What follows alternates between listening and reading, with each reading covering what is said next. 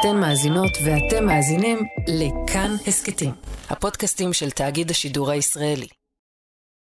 היי, אתם ואתן על חיות כיס, אני צליל אברהם. ב-16 ביוני 2021 נפגשנו עם 300 מהמאזינים של חיות כיס במסגרת פסטיבל און אר בתיאטרון תמונה, והעלינו בפניהם את פרק 200 של חיות כיס, שנקרא החור שבאתי ממנו. הפרק של היום הוא עיבוד לרדיו של חלק מהפרק ההוא.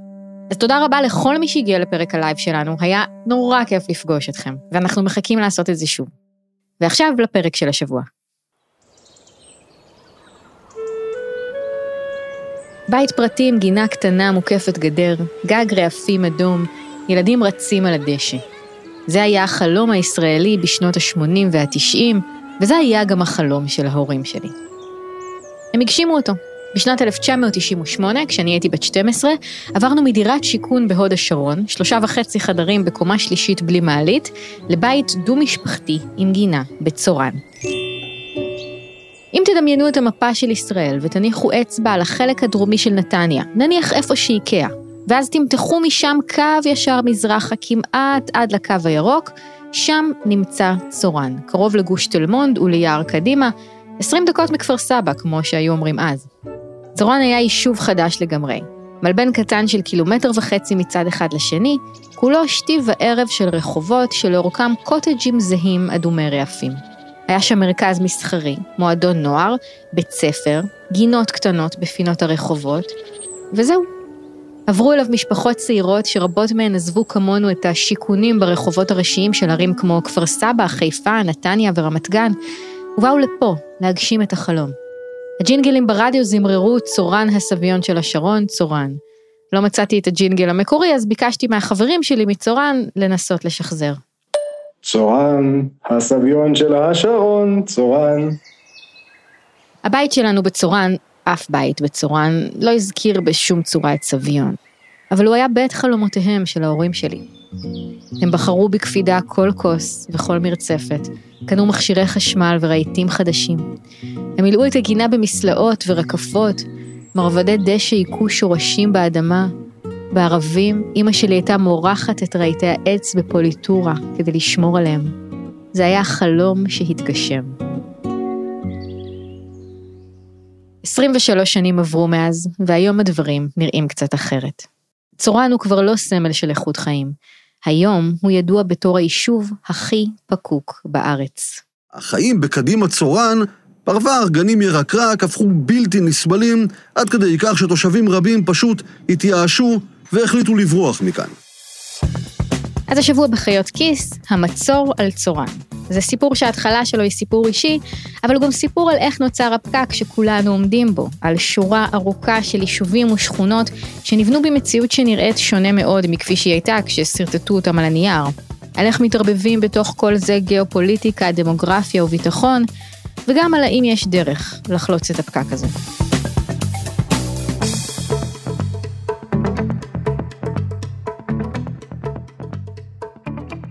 לפי נתונים של ווייז, זמן הנסיעה מצורן לתל אביב הוא הכי ארוך ביחס למרחק, בהשוואה ל-36 יישובים שנבדקו באזור המרכז. גם גלגלצ זיכתה את צורן פעם בפרס שיאן הפקקים, והוא מופיע בכל פרויקט על השכונות הפקוקות ביותר. עכשיו אתם אולי אומרים, מה, את באה לספר לנו סיפור על פקקים? אנחנו מכירים פקקים, אנחנו עומדים בפקקים, אנחנו חיים בפקקים. אז תנו לי לזרוק לכם כמה מספרים.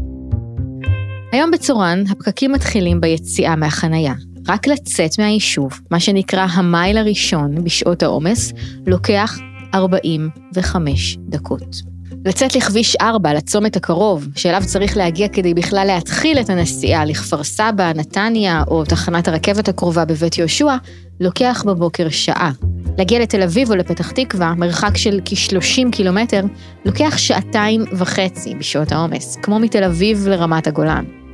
בשיחות שלי עם התושבים חזרה שוב ושוב אותה הגדרה. השכונה היא פשוט במצור.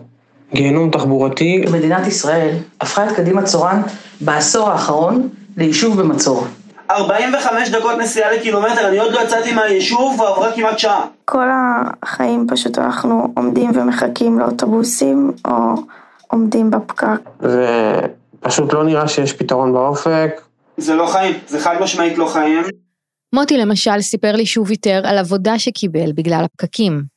רחל הייתה במשך שנתיים בייביסיטר של בקרים. בייביסיטר של בקרים זאת מישהי שקמה בחמש בבוקר, הולכת לבית של אנשים אחרים, הם יוצאים לעבודה בחמש וחצי, והיא מעירה את הילדים שלהם, מכינה להם סנדוויצ'ים ולוקחת אותם לבית הספר, כי ההורים שלהם צריכים בזמן הזה לעמוד בפקק.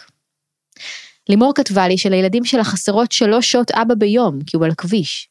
אני מכירה אנשים שיצאו לפנסיה מוקדמת, כי הם לא עמדו יותר בנסיעות היומיות לגוש דן, ונשים שהפסיקו לחפש עבודה, כי זה לא באמת ריאלי עבורן להגיע לא לרמת גן, לא לפתח תקווה, לא להרצליה, ואפילו לא לכפר סבא. כשעבדתי על הסיפור הזה, שמעתי על מתווכים שמראים דירות בצורן רק בין 11 ל-2 בצהריים ואחרי 8 בערב, כדי שהרוכשים הפוטנציאליים לא יבינו למה הם נכנסים. אז מה הפך את צורן ליישוב הכי פקוק בארץ? כל הסיבות הרגילות לפקקים ועוד כמה מקומיות. כמו הרבה שכונות ויישובים בישראל, כל אחת מהשכונות של צורן היא שכונת בלון. שכונה גדולה של אלפי תושבים שמתנקזת כולה לשני כבישי יציאה עם נתיב אחד לכל צד. כל התושבים ביישוב נשפכים לתוך שני הכבישים האלה כל בוקר וכל ערב. לפני שנתיים נבנתה ביישוב ליד, כפר יונה, שכונה חדשה ענקית, שנבנתה במהירות בלי שום פתרון תחבורתי. הפתרון שנמצא היה לסלול כביש שיחבר את כל התושבים של השכונה הזאת לתוך אותו כביש עם נתיב אחד לכל צד של תושבי צורן. לכביש הזה מצטרפת התנועה מכביש 6 לכיוון תל אביב, מקומות כמו חריש, קציר או יד חנה, שהתנועה מהם זורמת מכביש 6 הישר לתוך צורן ומשם לכיוון דרום-מזרח. אבל האמת היא שכל הסיבות האלה הן סיבה אחת.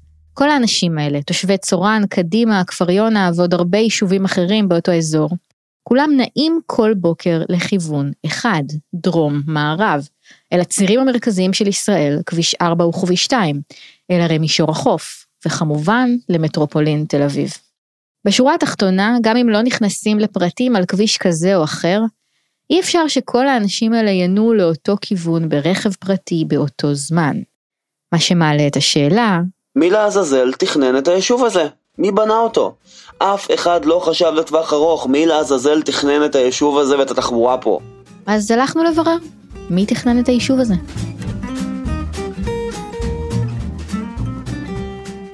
שמי רחל ולדן, אה, בוגרת אדריכלות ובינוי ערים בטכניון. רחל ולדן היא אדריכלית ומתכננת ערים ותיקה. פגשתי אותה במשרד שלה בהתנחלות רבבה בשומרון, התנחלות שהיא תכננה. יש משהו מרגש בלשבת מול האדם שתכנן את הנוף שגדלת בתוכו.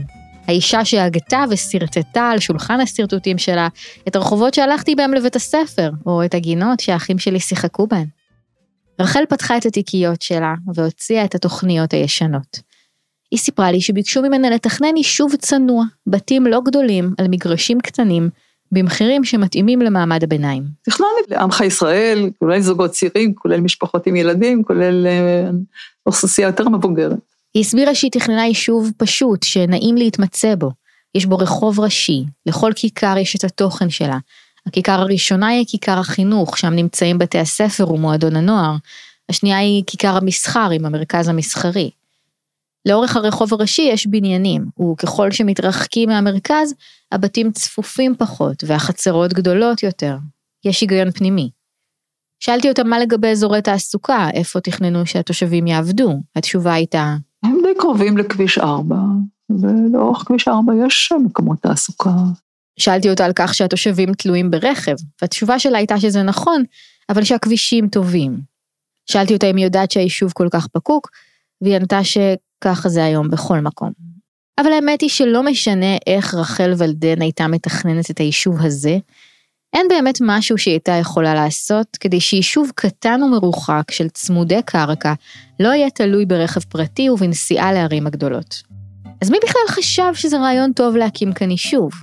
יישוב שנה שיגורו בו עשרת אלפים איש, שיהיו תלויים לגמרי לפרנסתם בערי המרכז. תוכניות להקמת יישוב במקום שבו נמצא צורן עלו לראשונה בשנת 1960 ועלו שוב אחרי 1967. את דמיונם של מתכנני הארץ הצית ציר דמיוני, בתוך מה שאפשר בקושי לקרוא לו מזרח הארץ. דמיינו ציר שמתפרס מצפון לדרום, מצומת מגידו עד לוד, על הגבעות הרכות שבין מישור החוף לשומרון. אזור שנקרא אז בשם הרומנטי ציר הגבעות, וניתן לקרוא לו גם פשוט קו התפר.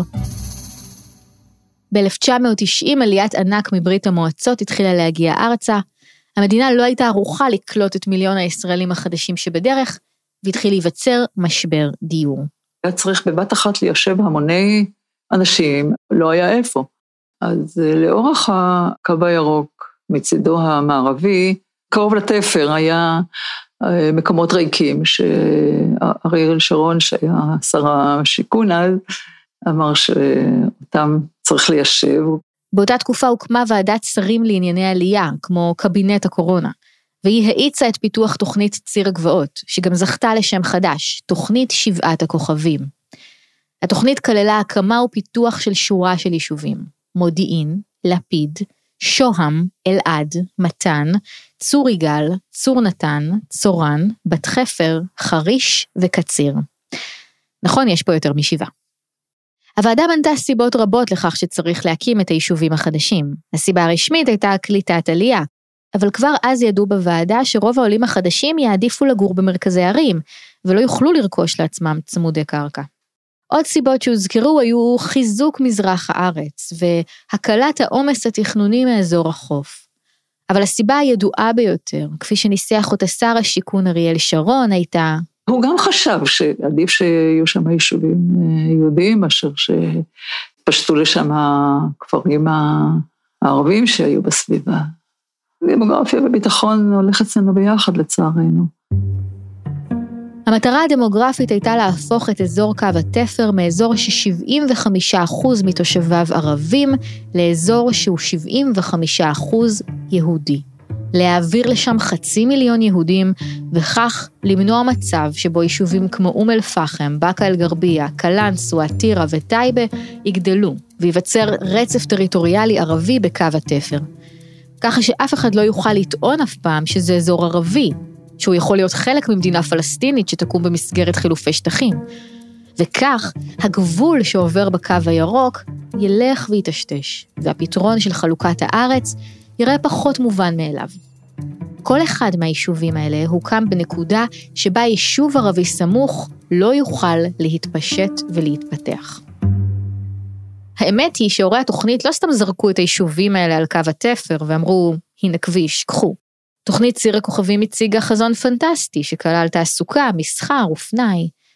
לפי החזון הזה, לצד צירי האורך שלנו, כביש 2 וכביש 4, יקום ציר אורך שלישי מזרחי, כביש 6. תושבי היישובים החדשים לא יצטרכו לנסוע כל בוקר דרומה ומערבה לנתניה, כפר סבא, פתח תקווה, רמת גן ותל אביב. הם ייסעו דרומה וצפונה, על הציר המזרחי, לראש העין, למודיעין ולחריש, שיהפכו למרכזים העירוניים של האזור החדש, מזרח ישראל. אפילו תיירות ונופש התפתחו באזור הזה. כמובן שהיו גיאוגרפים ומתכננים שהבינו מיד שאלו לא יישובי איכות חיים. במאמר משנת 1995 כתב הגיאוגרף אלישע אפרת, מבחינה תפקודית מהווה האזור מעין חצר אחורית של מישור החוף, ואינו אטרקטיבי במיוחד. האזור חסר לחלוטין מקורות תעסוקה טבעיים, והוא נשען במידה רבה על החלקים המפותחים יותר של מישור החוף ומטרופולין תל אביב.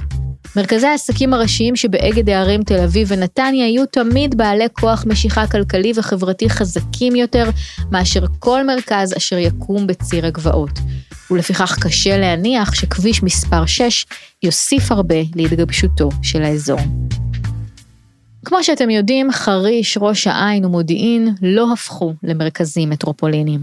75% מתושבי צורן יוצאים כל בוקר אל ערי השרון והמרכז לכיוון מערב. והשאלה היא, מה אפשר לעשות עכשיו?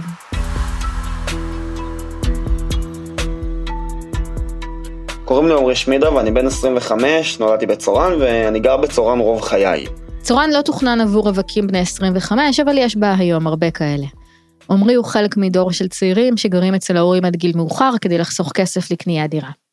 למרות שעמרי צעיר ממני בעשר שנים, גיל ההתבגרות שלו היה דומה לשלי. כשהוא היה נער, הוא גילה שהוא תקוע בצורן, ולא יכול לזוז לשום מקום. רציתי להבין איך אני מתנייד עכשיו לתל אביב. יש לי חברים בכל הארץ שפגשתי בתנועת נוער, שפגשתי ברשת, שפגשתי בכל מיני מקומות, ורציתי לפגוש אותם בתל אביב ובנתניה, וגם רציתי להגיע לסבתא בכפר ידידיה. בניגוד אליי בגיל שלו, עמרי לא צעק על ההורים שלו, אתם הבאתם אותי לחור הזה, אז מגיע לי שתסיעו אותי, הוא אשכרה עשה משהו. כשהייתי בן 14, ראיתי איזשהו פוסט בפייסבוק של בחורה בשם ענבר, שפרסמה שאנחנו יוצאים עכשיו לתחבורה ציבורית בת קיימא. תחבורה ציבורית בקדימה צורן, לב השרון ותל מונד, כאילו בכל יישובי האזור, זאת אומרת, שיהיה לנו איך להתנייד באזור שלנו שהוא לא מרכז תל אביב, והתחבורה הציבורית לא ברמה הכי גבוהה שיש כרגע. עמרי הצטרף למאבק, והוא חלק ממנו עד היום. הוא והתושבים האחרים אספו נתונים, ויחד עם המועצה הם פנו למשרד התחבורה במטרה לקבל פתרונות. הם ביקשו למשל קווים מהירים לאזורי תעסוקה, כמו רמת החייל, צומת עזריאלי ורחוב המסגר, קווים מקומיים שייסעו בין היישובים בסביבה ויורידו מההורים את ההסעות של אחר הצהריים. והכי חשוב, לסלול נתיב נוסף בכביש הגישה ליישוב, שיהיה נתיב תחבורה ציבורית בלבד. עכשיו אתם בטח חושבים שאני הולכת להגיד שאף אחד לא הקשיב להם, אבל למה אתם ככה שליליים? ואז קיבלנו הודעה, איזה כיף, קו אוטובוס ישיר מצורן לתל אביב, אפילו לא עושה סיבוב מיותר. באיזה שעה? חמש וחצי בבוקר. התשובה של משרד התחבורה לרוב ההצעות האלה הייתה שאי אפשר או שאין תקציב. לבקשה להוסיף לכביש הגישה ליישוב נתיב נוסף, שיהיה נתיב תחבורה ציבורית, ענו במשרד התחבורה שזה בלתי אפשרי, כיוון שלא נוסעים על הכביש הזה מספיק אוטובוסים. במשרד התחבורה שלחו לי הסבר מפורט, שקשה לי להתווכח איתו. היישוב צורן, הם אומרים, תוכנן והוקם כיישוב מבוסס רכב פרטי. זה יישוב קטן שמונה עשרת אלפים תושבים בלבד. המגורים בו הם בצפיפות נמוכה.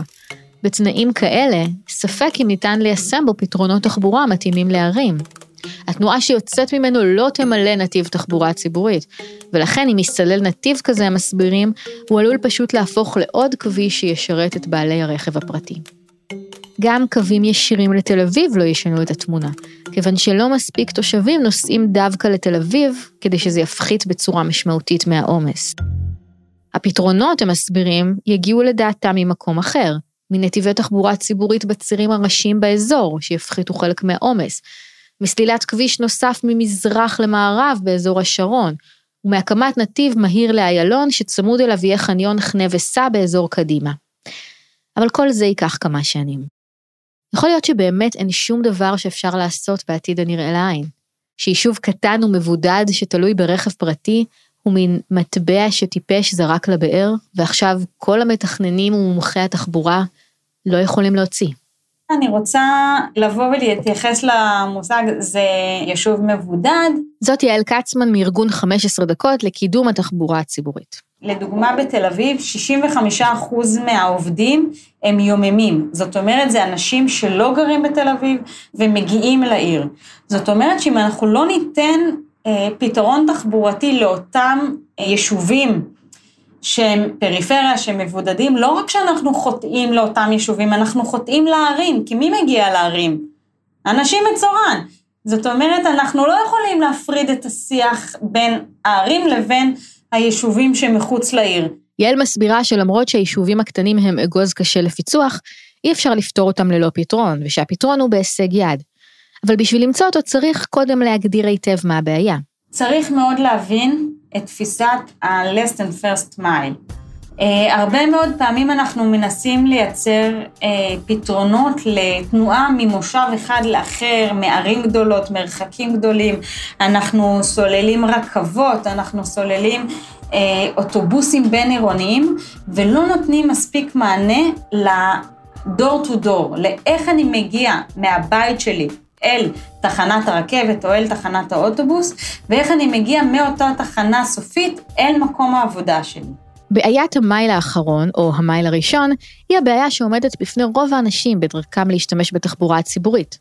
לתושבי צורן, למשל, יש תחנת רכבת קרובה, תחנת בית יהושע, שממנה יוצאת כל 20 דקות רכבת שמגיעה תוך 20 דקות לתל אביב.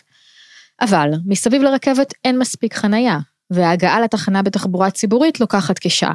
בן אדם מגיע לרכבת, מחפש 20 דקות חנייה בתוך הרכבת, הוא כבר ייסע את הנסיעה הזאת עם האוטו שלו. בן אדם כבר נכנס לאוטו, הוא עשה את הסיבוב להוריד את הילדים בגנים ובבתי הספר, אז הוא כבר ייסע עם זה לעבודה. הבעיה הזאת לא ייחודית לצורן, היא מאוד אופיינית לתחנות הרכבת בארץ, למשל בבנימינה, בעפולה, בבית שאן, בכרמיאל, ביוקנעם, בראש העין ובהרבה מאוד תחנות אחרות. הרכבת מחברת את הפריפריה למרכז, אבל אין מה שמחבר את התושבים לרכבת. יעל חושבת שיש פתרון טוב לבעיה הזאת. אנחנו יכולים לתת לזה מענה של תחבורה גמישה. תחבורה גמישה היא מה שנקרא בתל אביב באבל, בחיפה ובירושלים טיק טק, ובעמק חפר קוויקר. קוויקר הוא מיזם שהוקם בשיתוף פעולה של חברת קווים, אפליקציית מובית ומשרד התחבורה. ולטובת מי שלא גר באף אחד מהיישובים האלה, נסביר רגע מה זה. כשיש שירות של תחבורה גמישה, אתם כנוסעים יכולים לפתוח את האפליקציה שלכם ולהזמין נסיעה, נגיד מצורן לרכבת בבית יהושע. הטכנולוגיה שעומדת בבסיס התחבורה הגמישה מאפשרת למצוא עוד נוסעים בסביבה שרוצים לנסוע במסלול דומה לשלכם, ולייצר לכם קו אוטובוס זמני, שנוסע עכשיו מכמה נקודות בצורן ומוריד אנשים בכמה נקודות בדרך לרכבת. מיניבוס מגיע, אוסף אתכם, לוקח אתכם למקום שהזמנתם, ואחרי שהנסיעה הסתיימה, הקו הזה לא קיים יותר. המיניבוס הולך לאסוף אנשים אחרים במסלול חדש שהומצא בשבילם. זו תחבורה על פי דרישה. מי שיצא לו להשתמש בזה יודע שלפעמים זה כמו קסם, שלוקח אותך תוך כמה דקות ממקום למקום. לפעמים זאת גם טיולית של שעות שנוסעת ברחבי גוש דן ומייצרת מין קו מאסף, מתיש ולא יעיל. זאת טכנולוגיה בהתהוות. בכל מקרה, למרות שהיא בשימוש בעיקר בערים, היא בעצם מתאימה מאוד לאזורים שבהם יש הרבה יישובים קטנים. בעצם אנחנו רוצים להפעיל הרבה מאוד קווים בתדירות גבוהה שתיתן מענה לאותם תושבים, אבל אנחנו אומרים אין מספיק תושבים מבחינה כמותית כדי למלא את אותם אוטובוסים, ואז אנחנו מוציאים הרבה מאוד כסף ומשאבים על אוטובוסים ריקים. ואז נכנסת התחבורה הגמישה. זה מה שקרה באזור הסמוך לאזור השרון, במועצה האזורית עמק חפר. עמק חפר הוא לא אזור פרברי, אלא כפרי. יש בו הרבה יישובים קטנים, קיבוצים ומושבים, שהדרך היחידה להגיע מאחד לשני היא ברכב פרטי. גם כדי להגיע לתחנות הרכבת או לכבישים הראשיים שמהם יוצאים אוטובוסים לתל אביב, צריך רכב פרטי, או מישהו שיסיע אתכם. מעט התחבורה הציבורית שיש בעמק חפר לא יעילה עבור הצרכים האלה. כדי למלא אוטובוס הוא צריך לעבור בהמון יישובים, והאוטובוסים עוברים מיישוב ליישוב כשהם פשוט ריקים. אז במועצה האזורית שם החליטו בעזרת משרד התחבורה לעבור לקוויקר. החל מה-1 ביוני, תושבי עמק חפר יכולים להזמין נסיעה בתחבורה גמישה. זה פיילוט שיימשך שנה והוא רק בתחילת הדרך שלו. התושבים שדיברתי איתם עוד לא לגמרי גיבשו את דעתם עליו. אבל כבר עכשיו מסתמן שיש בניסוי הזה כמה בעיות. ראשית, המסלולים בעמק חפר לא מאה אחוז גמישים כמו בערים הגדולות. המסלולים הם ליעדים קבועים. תחנות הרכבת בחדרה ובנתניה, מכללת רופין, צומת בית ליד והתחנה המרכזית בנתניה. הדרך לשם עדיין תהיה גמישה. גם השעות מוגבלות בין 6 בבוקר ל-9 בערב. שנית, התחבורה הגמישה היא כמו תחנת מוניות, היא לא חייבת לבוא לקחת אותך, היא יכולה פשוט להודיע שאין לה נסיעה באזור שלך בזמן הקרוב, וזהו, אז אי אפשר לבנות על זה. שלישית, בעמק חפר התושבים התבקשו להזמין את הנסיעות שלוש שעות מראש. שלוש. זה מתאים לנסיעה לעבודה או לחוג, אבל מחסל כל אפשרות לספונטניות. ורביעית, כי במשרד התחבורה אמרו למועצה בעמק חפר אתם רוצים תחבורה גמישה? בסדר, אבל זה או זה, או אוטובוסים, אי אפשר גם וגם. ובספטמבר, שלושה חודשים אחרי תחילת הפיילוט, שירות האוטובוסים הרגיל בתוך העמק יבוטל לגמרי. אלה הרבה אבלים, ולא ברור אם המעבר לתחבורה גמישה יכול להיעשות עם כל המגבלות האלה. זה שירות שהולך ומוטמע עכשיו, הייתה לו הצלחה מאוד גדולה בתל אביב, אז הרחיבו את זה לירושלים, הרחיבו את זה לחיפה, בכל מקום כזה יש אה, הצלחה מאוד גדולה, מבקשים להוסיף שירות, אבל בכל הערים האלה זה כמשהו שמתווסף על שירות קיים. ואז אמרו, אה, יש לנו פטנט, הוא עובד, בואו נפתור עם זה את אה, בעיית התחבורה הציבורית בפריפריה, אבל בואו נעשה את זה עקום. אנחנו בעצם לוקחים את אותם עקרונות של תחבורה גמישה שאמורה להיות הפתרון לאותם יישובים, ועושים את זה באיזושהי ממש רשלנות או פזיזות וגחמתיות, ואומרים, זה מה שיהיה לכם עכשיו, אנחנו לא יודעים אם זה יצליח או לא, לא יודעים אם תתרגלו או לא, אנחנו לא מתחייבים לשום דבר, אבל זה יחליף את שירות האוטובוסים. לדעתה של יעל, הבעיות האלה פשוט יפילו את כל המהלך. כשבן אדם חווה כזה משבר אמון, מה הוא עושה? אם יש לו אוטו, הוא נאחז בו בציפורניים, ואם אין לו אוטו, הוא ילך ויקנה אותו. מה עשינו? החמרנו את הבעיה.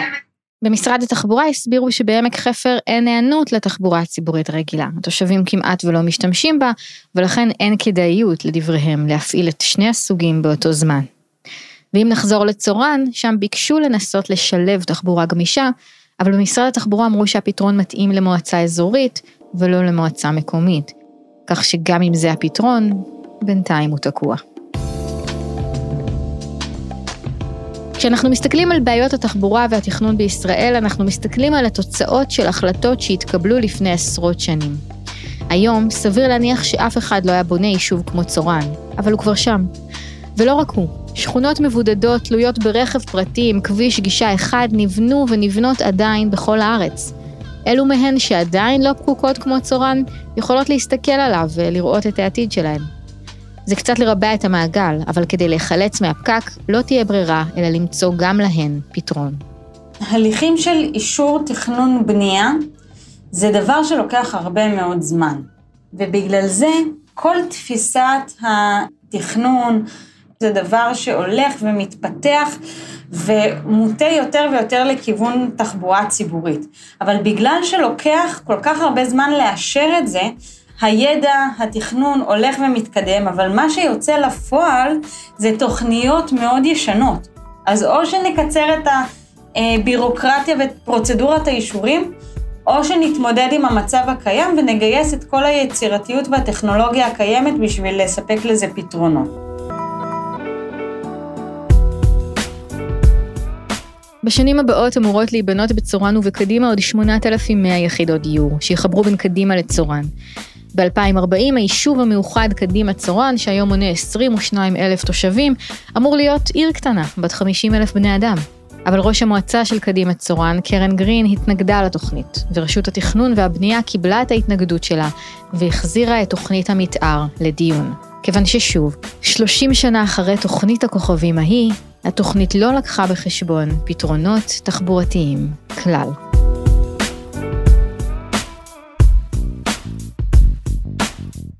אנחנו חיות כיס, הפודקאסט הכלכלי של כאן. תודה לעורכת שלנו נועה בן הגיא. עורך הסאונד הוא אסף רפפורט. תודה לחבריי דנה פרנק ושאול אמסטרדמסקי שעזרו לי לעבוד על הפרק.